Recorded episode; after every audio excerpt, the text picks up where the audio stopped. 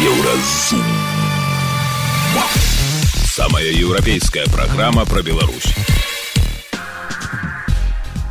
Вітаю, гэта праграма Еўразум і самыя важныя падзеі сэнсы тыдня і пятніцы 10 лістапада Чаму змагацца за ўладу не значыць змагацца з дзяржавай. У гэтым становішча ну давайте дапаможам гэтукевіча прыйсці да ўлады. Давайте покажам что ў яго сапраўды шмат ну, што ён лепільнікаў да? Там уже цэнтр выбаркамі будуць бачыць э, рэальныя лічбы конечно. да? Нядобрая кватэра. Чаму не варта купляць канфіскаванае у апазіцыянераў жыллё? Я пазваніла ў дзверы, але ўладальнікі будынка сказалі, што не пусцяць мяне.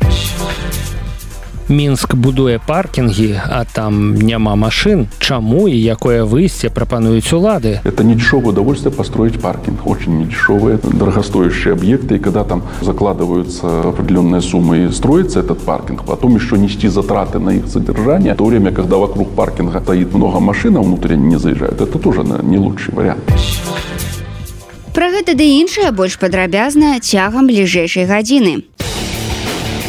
Еўразум Беларусь у еўрапейскім фокусе.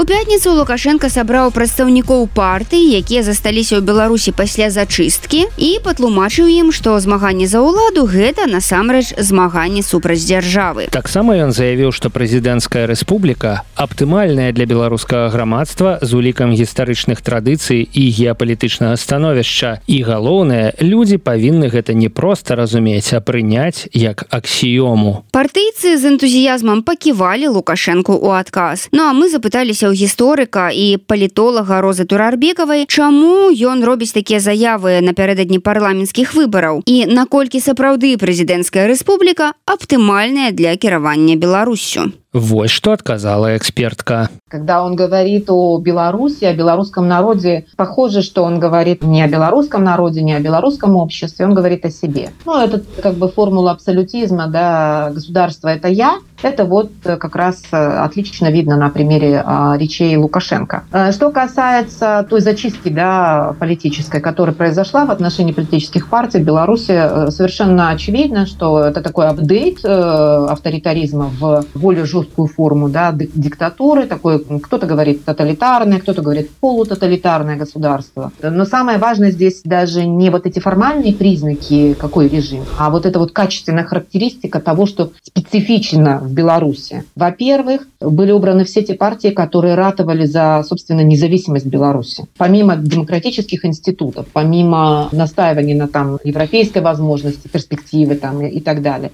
Самое главное, что все эти партии в первую очередь ставили во главу угла, и самой основной ценностью это независимость Беларуси. Поэтому они все были фактически разрушены, уничтожены. Лукашенко прекрасно знает, что он сейчас ставит под угрозу вопрос о суверенитете и независимости Республики Беларусь. Но при этом как бы делает вид, что продолжает строить э, независимое э, государство. Кстати, между прочим, надо посмотреть с точки зрения контент-анализа, как часто он использует сейчас этот термин «независимость». Скорее всего, он его использует очень редко. Это первое. Второе, что касается тех партий, которые остались. Да. Эти партии, они имеют имеют либо аналог, либо близки к э, российским партиям. Э, но при этом это не значит, что это одно и то же. Но самое главное, что эти партии не являются, как это сказать, адвокатами независимости Республики Беларусь. Вот в чем проблема. Они абсолютно лояльны э, Лукашенко. Это даже не партии политические, это такие квази да, партии, у которых свое политическое кредо, возможно, оно есть, но они не имеют никаких шансов его отстаивать. То есть они не обладают автономностью и возможностью, там, я не знаю,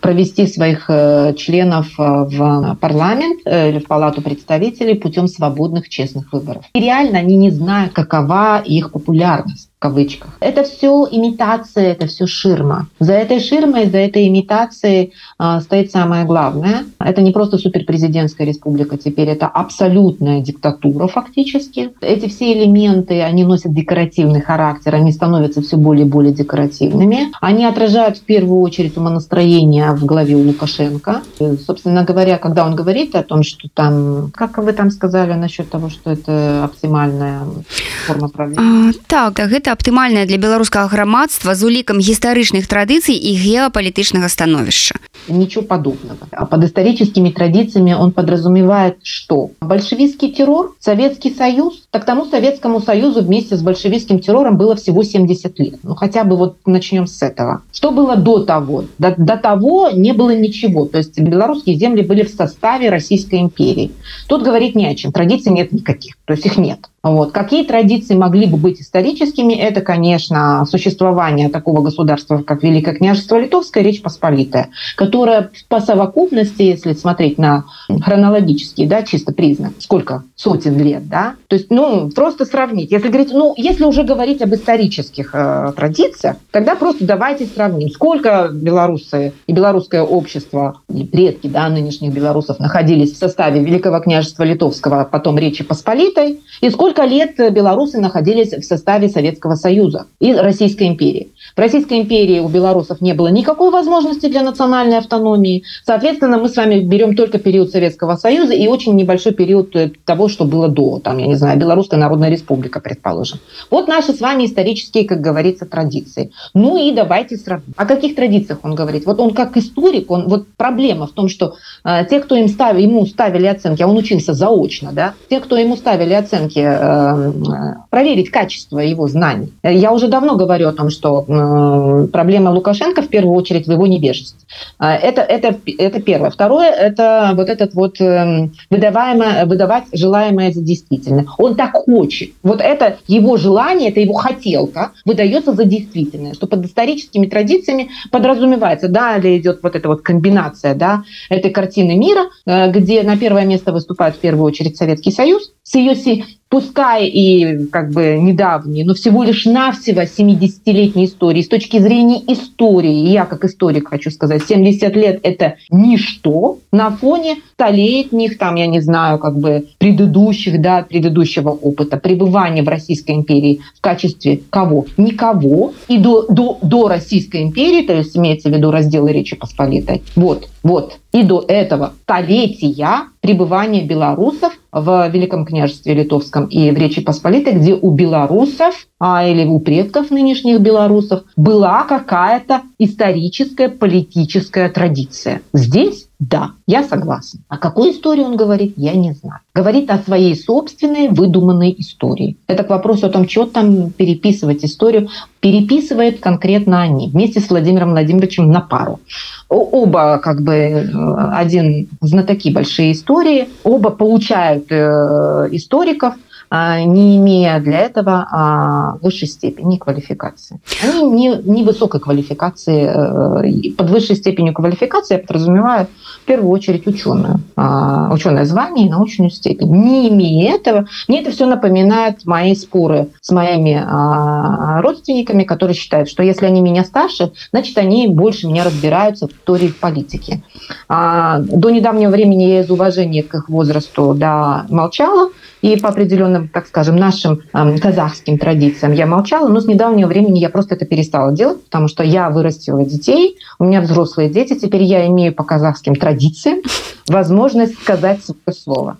И вот недавно я а, была вынуждена им напомнить о том, что в отличие от меня они не имеют а, ученого звания и научной степени по истории. Па словах лукашэнкі беларускія партыі прынясуць карысць калі па-сапраўднаму змогуць прадстаўляць інтарэсы сваіх сяброў перад дзяржавай а таксама калі стануць памочнікамі улады паводле яго слоў прызначэнне партыі не змагацца з дзяржавай а канкураваць паміж сабой на ўзроўні праектаў і заканадаўчых ініцыятываў. Над словамі беларускага кіраўніка у эфіры еўрарадыё мы паразважалі з блогерам і палітыкам александром кныровичам бок э, змагацца за ўладу гэта змагацца з дзяржавай значыць мы за это вас э, не перарэгіструем пасадзім і гэтак далей.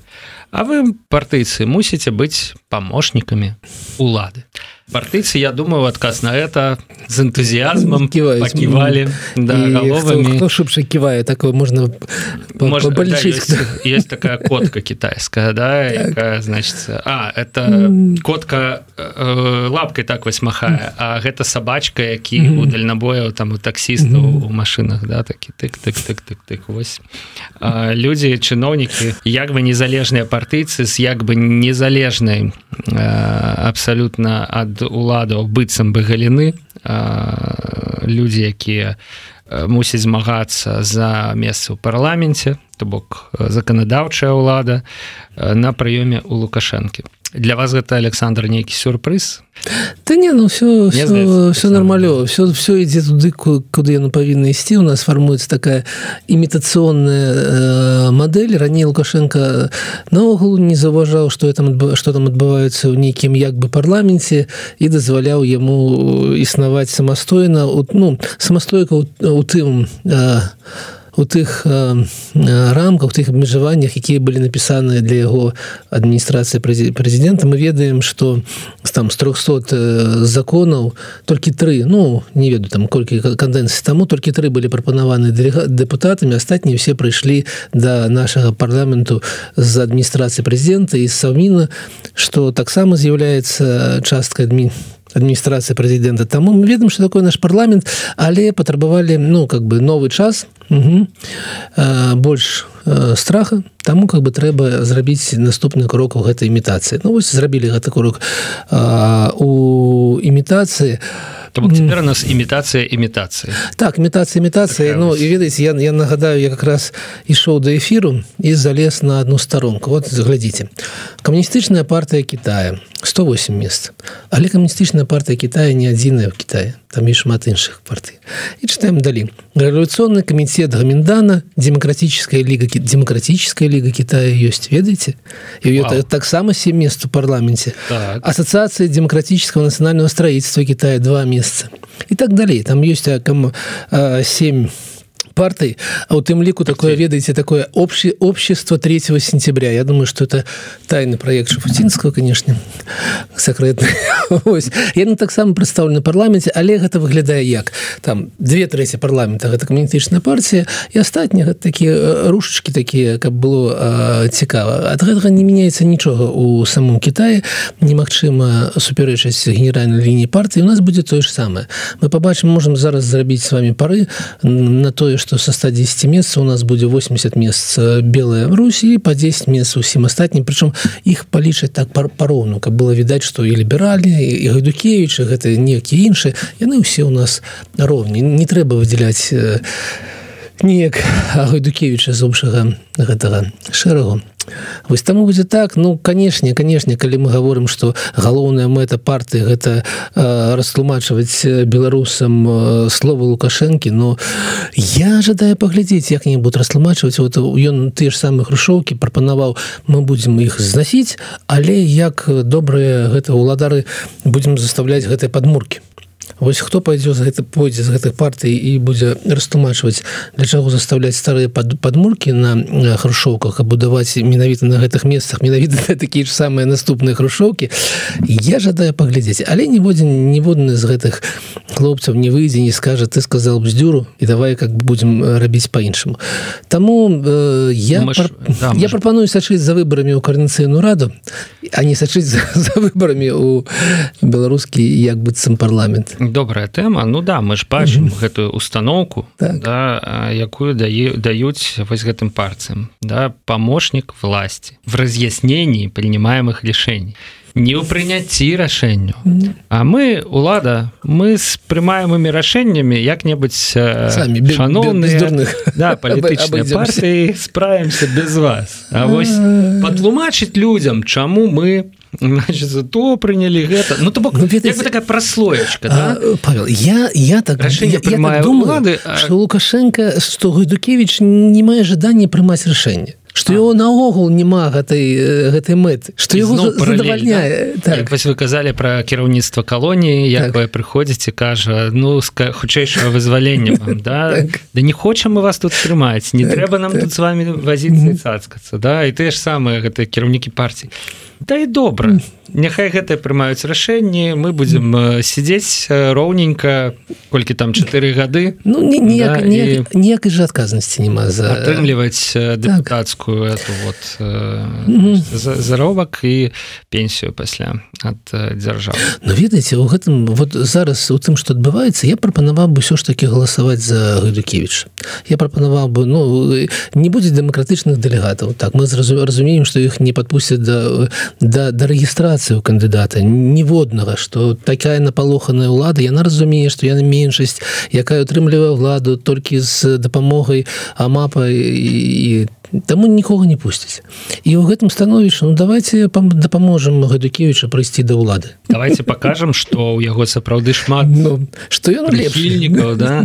Там жа цэнтр выбаркамі будуць бачыць рэальныя лічбы конечно. Да? і ад каго сыходзіць рэальная пагроза атрымліваецца хто зламаем жыццё падняць сваіх стороннікаў і сказаць так нешта не тое адбываецца і так далее. Гэта цікавая думка Александр конечно. Мне на галаву не прыходзіла. І больш за тое мне здаецца что стратэгіі якія вось абмяркоўваюцца на гэты адзіны дзень галасавання яны ўсё ж таки пакуль што канцэнтруюцца я маю на увазе стратэгіі дэмакратычных сілаў на байкоце Гэта былі блогер Александр Кнырович і гісторык Роза Турарбекова. Яны паразважалі пра палітычныя партыі ў Беларусі і аспрэчылі тэзу Лукашэнкі пра тое, што змаганне за ўладу гэта насамрэч змаганне супраць дзяржавы. Еўрарадыё кропка FM. Далей у праграме еўразум. Нядобрая кватэра. Чаму не варта купляць канфіскаванае ў апазіцыянераў жыллё? Я пазваніла ў дзверы, але ўладальнікі будынка сказалі, што не пусцяць мяне.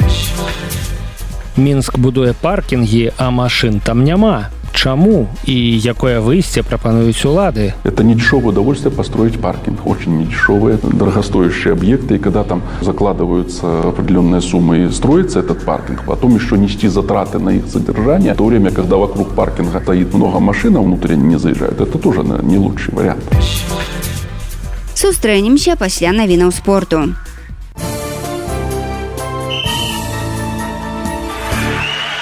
На еўрарадыё навіны спорту.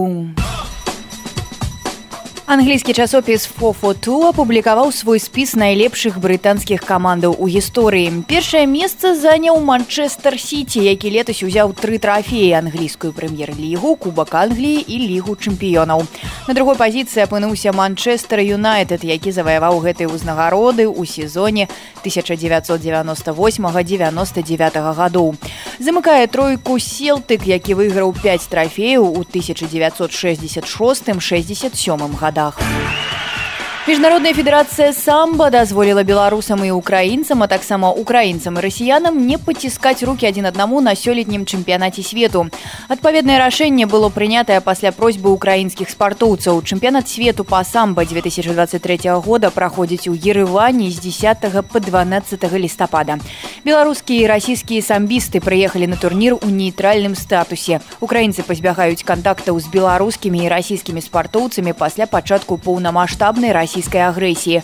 Як вядома, беларускія ўлады прадаставілі тэрыторыю дзяржавы для нападу на ўкраіну. Беларускі гандбаліст Уладзіслаў Кулеш, які гуляе за клуб Гановер, прызнаны найлепшым гульцом кастрычніка ў чэмпіянаце Геррманіі. Кулеш быў выбраны па выніках галасавання заўзятараў. За беларуса аддалі амаль 40 адсоткаў галасоў. Гэта амаль удвая больш, чым у гандбаліста, які заняў другое месца. У кастрычніку Кулеш закінуў 23 галы за чатыры гульні. Таксама ён вызначыўся чатырма перадачамі і адным перахопам. У гэтым сезоне Гановер займае шосты радок з 18 12 камандаў чэмпіянату. Гэта былі навіны спорту на еўрарадыё, заставайцеся з намі. Еўразум. Беларусь у еўрапейскім фокусе. Еўрарадыё. Моц настрою. Александр лукашенко абяцаў забіраць маёмасць ва ўсіх хто ажыццяўляе так званыя непрыязныя дзеянні ў дачыненні да яго рэжыму а потым яшчэ зрабіў продаж нерухомасці з-за мяжы фактычна немагчымым каб беларусы ў эміграцыі не маглі пазбавіцца ад кватэр раней чым іх адцісне дзяржава у такім рэкеце няма нічога новага як і ў адмене яго наступстваў. Камуністы адбіралі шмат кватэр і тысячы з іх у 90-е гады вярнуліся да спадкаемцаў законных уласнікаў. Такое аднаўленне справядлівасці называецца рэстытуцыяй. Яе ў пачатку 90-х прайшлі, напрыклад, краіны Балтыі і Польшча. Досвед гэтых краін паказвае, калі ўлады прадаюць кватэру святланы і Сергея ціханаўскіх, яны ствараюць праблему не толькі ціханаўскім. Яны закладаюць праблемы на будучыню для тых, хто купляе іх кватэру. Нават праз дзесяцігоддзе такое незаконна адціснутае ва ўладальнікаў жыллё вяртаецца да законных спадчыннікаў. А пакупнікі аказваюцца часам літаральна на вуліцы нават калі яны не ведалі што куплялі недобрую кватэру. Чаму не варта купляць канфіскаванае ў апазіцыянераў жыллё распавядаем у нашым рэпартажы Быў студзень 2013 года. Марта пызель хадзіла па крамах, а калі вярнулася дадому, аказалася, што дому ў яе больш няма. Ключы не падыходзілі да замка. Марта жыла ў шматкватэрным доме ў варшаўскім прыгарадзе. Да вайны гэты дом быў у прыватнай уласнасці, а пасля вайны яго нацыяналізавалі, як і многія іншыя дамы. Справа ў тым, што ў студзені 45 -го года пасля нямецкай акупацыі двух паўстанняў варшава ляжала ў руінах, а больш за 90соткаў жылога фонду было разбурана. Паколькі новыя камуністычныя ўлады павінны былі знайсці для людзей дамы, яны перадалі ўсю зямлю ў даваенных межах горада муніцыпальным уладам. А калі камуністычны рэжым у Польшчы абрынуўся, знайшліся спадкаемцы, якія вырашылі аднавіць справядлівасць і суд вярнуў ім дамы продкаў. У Польшчы гэты працэс называўся рэпрыватызацыяй. Я позвонила ў дзверы, але ўладальнікі будынка сказалі, што не пусцяць мяне. Так расказвала Марта журналістам за Гардиан. І яе сапраўды больш не пусцілі ў дом таго дня марта больш ні разу не спала на сваім ложку. А бывала зямельныя участкі якія суд загадваў вярнуць размяшчаліся на тэрыторыях які ў пачатку 21 стагоддзя зрабіліся да прыкладу паркамі. Але ў выніку рэпрыватызацыі скверы і школьныя пляцоўкі ператвараліся ў зарослыя аўтастаянкі а некаторыя будынкі увогуле заставаліся пустымі і трухнелі. у Урэшце і бізнесмены сталі больш ахвотна ўкладаць грошы ва ўскраіны варшавы, а не ў цэнтр. Занадта непрадказальным мог быць лёс цэнтральных укладанняў. Гэта, вядома, падарвала і развіццё горада. Дарэчы, прэтэнзію на рэстытуцыю можна было купіць. Так адзін бізнесовец купіў у пажылой варшавянкі яе пазоў крыху больш, чым за 100 долараў і стаў уладальнікам будынка ў цэнтры варшавы. Але былі і больш жахлівыя выпадкі. Дагэтуль варшаве можна ўбачыць графіці прысвечаны актывістцы ў абароне правоў жыхароў і яланты бжэскі. Жанчыну знайшлі ў лесе мёртвую ў 2011 годзе і яланта змагалася супраць высялення жыхароў з дома у якім жыла і сама. Гэта як мінімум не зменшыла падазрэнняў у тым, што ў нейкі момант да прыватызацыі прычынілася арганізаваная злачыннасць. А цяпер пагаворым пра Латвію. У 91 годзе латвійскія дэпутаты прагаласавалі за вяртанне нарабаванага і за першыя 10 гадоў рэстытуцыі больш за 14 тысяч нашчадкаў тых, у каго камуністы адабралі нерухомасць, вярнулі сабе кватэры. Гаворка ідзе пра 78 тысяч кватэр. Свае правы маглі заявіць нават далёкія сваякі піша Дэлфі. Цікава дарэчы, што каля 90соткаў жылых дамоў да сороквага года былі закладзены ў латвійскіх банках і іх уладальнікі да вайны не паспелі вярнуць крэдыты, то бок гэта значыць, што кватэры нават не належалі продкам тых, хто патрабаваў іх вярнуць. У гэтых кватэрах да моманту перамогі справядлівасці жыло 220 тысяч чалавек, прыкладна 10соткаў жыхароў краіны. У рызе сітуацыя закранула амаль кожнага пятага кватэры наймальніка. Усе гэтыя людзі адным днём сталі кандыдатамі на бяздомных. Але ўсё ж тут сітуацыя была не такой крытычнай, як у Польшчы і новым гаспадарам таксама было нялёгка. Старых жыхароў забаранілі высяляць цягам сямі гадоў. Улады баяліся хваляванню, таму усталявалі такі пераходны перыяд. У гэты час выселіць арендатара можна было толькі ў выпадку капрамонту. Але і тады новы ўладальнік дома абавязваўся забяспечыць часовымі кватэрамі кожную сям'ю, якую высяляе. Пры гэтым самім дамам вельмі патрэбны быў рамонт. Амаль усе яны знаходзіліся ў цэнтры горада і выглядалі не вельмі добра. Але за якія грошы яго рабіць? Урад усталяваў столь квартплаты, якую новыя ўладальнікі маглі браць са старых. За гэтыя грошы разгуляцца не атрымлівалася. Напрыклад, жонцы латвійскага экспрэм'ера Аі калісьці дасталіся тры дамы матэрыяльна і фізічна было б лягчэй іх прадаць і жыць на атрыманыя даходы але я так не магла бо гэтыя дамы калісьці будавалі мае родныя. Уклалі ў іх сілы сродкі і душу. Ну кручуся. У доме на вуліцы стабу жывуць збольшага пенсіянеры. Грошай ясная справа ад гэтых жыхароў чакаць не даводзіцца а дом трухлее. Паставілі новы дах замянілі электраправодку водаправод каналізацыю. Бяру крэдыты а калі грошы вернуцца ну пакуль невядома. Але бывала менш сентыментальныя новыя гаспадары вырашалі што ад дома прасцей пазбавіцца будынак прадавалі або наймалі кіраўнікоў і кіраўнікі часта пачыналі з таго што пазбаўляліся ранейшых жыхароў. І вось у гэты момант гісторыя вельмі нагадвала польскую. Было шмат гісторый калі дом куплялі спрытныя хлопцы дамаўляліся з судовым выканаўцам што той пачакае калі жыхары сыдуць з дому і ў гэты час вывозілі ўсю іх маёмасць.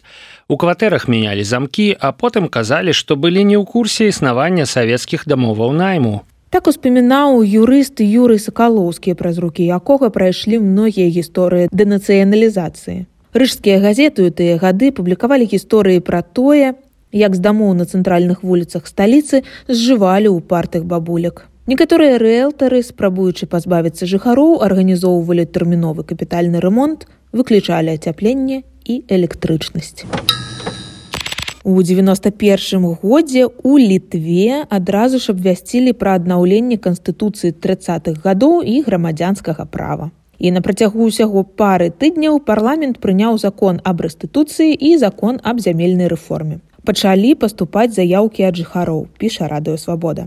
Чалавек падаваў заяву з патрабаваннем вярнуць зямлю, якая належала яму самому ці яго бацькі, ехаў у той раён, дзе знаходзілася зямля, запаўняў стандартную форму і паказваў доказы таго, што з'яўляецца ўладальнікам або спадчыннікам. Знаходзіць доказы было не вельмі складана, бо ў літве захаваліся кнігі ў ліку зямлі. Раённы савет па землеўпарадкаванні прымаў рашэнне аб адабрэнні рэстытуцыі. І адтуль дакументы адпраўляліся ва ўпраўленне па землеўпарадкаванні.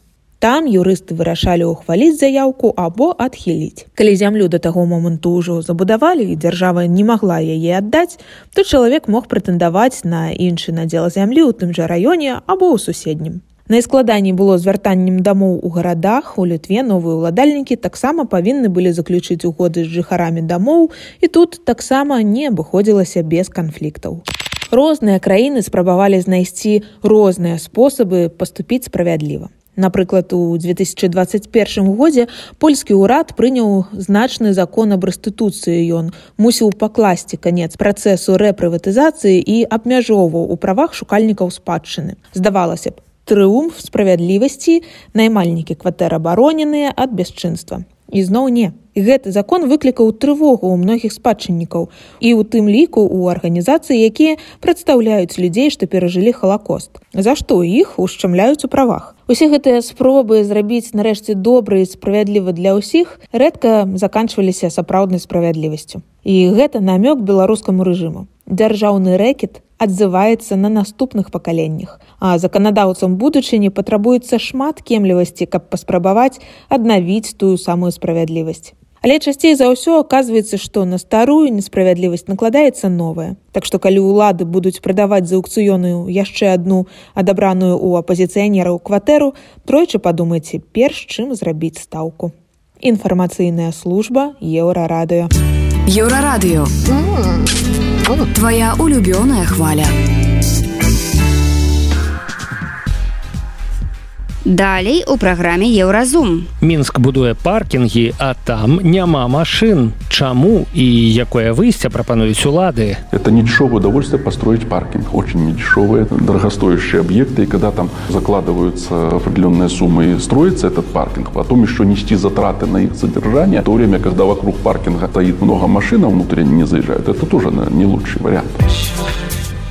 Сустрэнемся пасля навінаў шоу-бізу еўрарадыё твоя улюбёная хваля.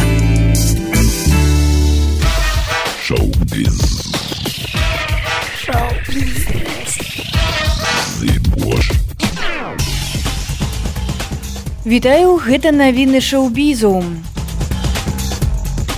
Дата прэм'еры шрэк 5 попала ў соцсеткі і выклікала ажыятаж у колах прыхільнікаў анімацыі, а ўсё з-за недарэчнай памылкі стажора кінакампаніі Universal. Як стала вядома, новы шрэк выйдзе на экраны ў 2025 годзе праз 15 гадоў пасля рэлізу апошняй часткі. Эксклюзіўная інфармацыя з'явілася ў апісанні аднаго з профіляў LinkedIn, дакладней у анкеце стажора, які працаваў на дачку Universal Dreamworks. І хоць неўзабаве інфармацыя знікла, сама старонка была выдаленая але соцсеткі помніць усё цікава што нават пасля такога промаху стваральнікі мультыплікацыі не сталі анансаваць выхад шрэка 5 і адмовіліся даваць любыя каментары. Аб гэтым піша daily mail. у Папулярны музыка і акцёр стаў першым чалавекам, якому дазволілі ўзлезці на верхавіну Empire State Building у нью-йорку. Пра гэта пішуць заходнія СМ. Як распавялі крыніцы Entertainment Weekly, пакарыць верхавіну адной з самых знакамітых славутасцяў нью-йорка афіцыйна атрымалася ў зорцы Голливуду і ліверпульскага франтмену папулярнага гурта Сотці Seconds to Mars Джараду лета. 51гадовы секс-сімвал узняўся на вышыню каля 400 метраў і правёў на фасадзе стадыі легендарнага хмарачоса 20 хвілін. За гэты час ён змог пераадолець вельмі адчувальную адлегласцю 18 паверхаў будынка. Відэа ўжо з'явілася ў соцсетках. Як растлумачылі прадстаўнікі артыста, ўсё гэтае лета зрабіў дзеля маштабнага і яркага анонсу новага гастрольнага тура соці секонс to Марс. У сетцы з'явіўся першы трэйлер мультфільма галаваломка 2 там стваральнікі знаёмяць гледачоў з новым героем эмоцыяй з якой мы сутыкаемся штодня. І гэта трывожнасць. Студыя піксар працягвае даследаваць унутраны свет чалавека таксама дзяліцца сваімі ведамі праз анімацыю. Новая праца прадюсераў і рэжысёра кэлсіман галаваломка 2 працяг нашумелага мультыка аб дзяўчынцы райлі і яе эмоцыях. Гэта былі навіны шоу-бізу. Заставайцеся на хвалях еўрарадыё. Без Еўразум жыві ў рытме Еўропы.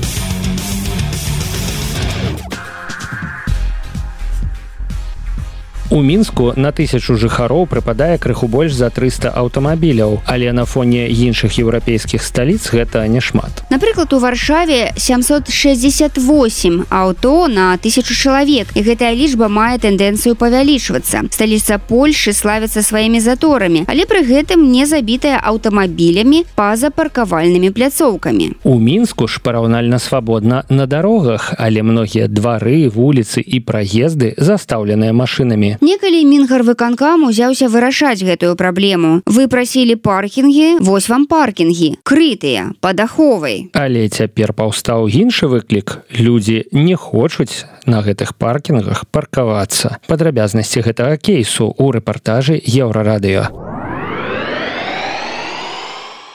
дырэктар дзяржаўнага аб'яднання гаражы аўтастаянкі паркоўкі Андрей зыранаў у інтэрв'ю дзяржсмі расказваў як горад заваблівае кліентаў на незапатрабаваныя паркінгі напрыклад там размяшчаюць велапаркоўкі зарадкі для электрамабіляў на паркінгу які з'явіўся на тэрыторыі былога аўтапарка на трасцянецкай хочуць адкрыць нават штосьці накшталт аўтасервіса там имеется возможность там есть яма там есть специальное помещение где можно организовать это мы хотим там организовать не просто хранение а хранение с предоставлением услуги механика осмотра транспортного средства официального и услуга врача то есть это будет интересно э, юридическим лицам у которых и грузовикам грузовикам да, да то есть это действительно да и честно сказать приглашаю всех владельцев. Але ён пагаджаецца попыту няма. Даволі часто сустракаецца такая сітуацыя стаіць пусты паркінг а навокал запаркаваныя машыны каштуюць мінскія паркоўкі ў сярэднім 35-50 рублёў за месяц. Або 5 рублёў за суткі 1-2 рублі за гадзіну для параўнання у варшаве 12 гадзін паркінгу каштуюць як абанемент на месяц у мінску. Дык што ж не так з мінскімі паркоўкамі? Вось як пра гэта разважаюць кіроўцы з мінска. Паркінгі будуюць там дзе яны не патрэбныя а там дзе патрэбныя не будуюць. Шкада грошай на аренду месца для паркоўкі. Лепш ездзіць коламі шукаць дзе паставіць машыну бясплатна чым заплаціць за месца под дахам. Такая ўжо звычка дзе жывеш там і машыны мусіць стаяць. Калі ў доме не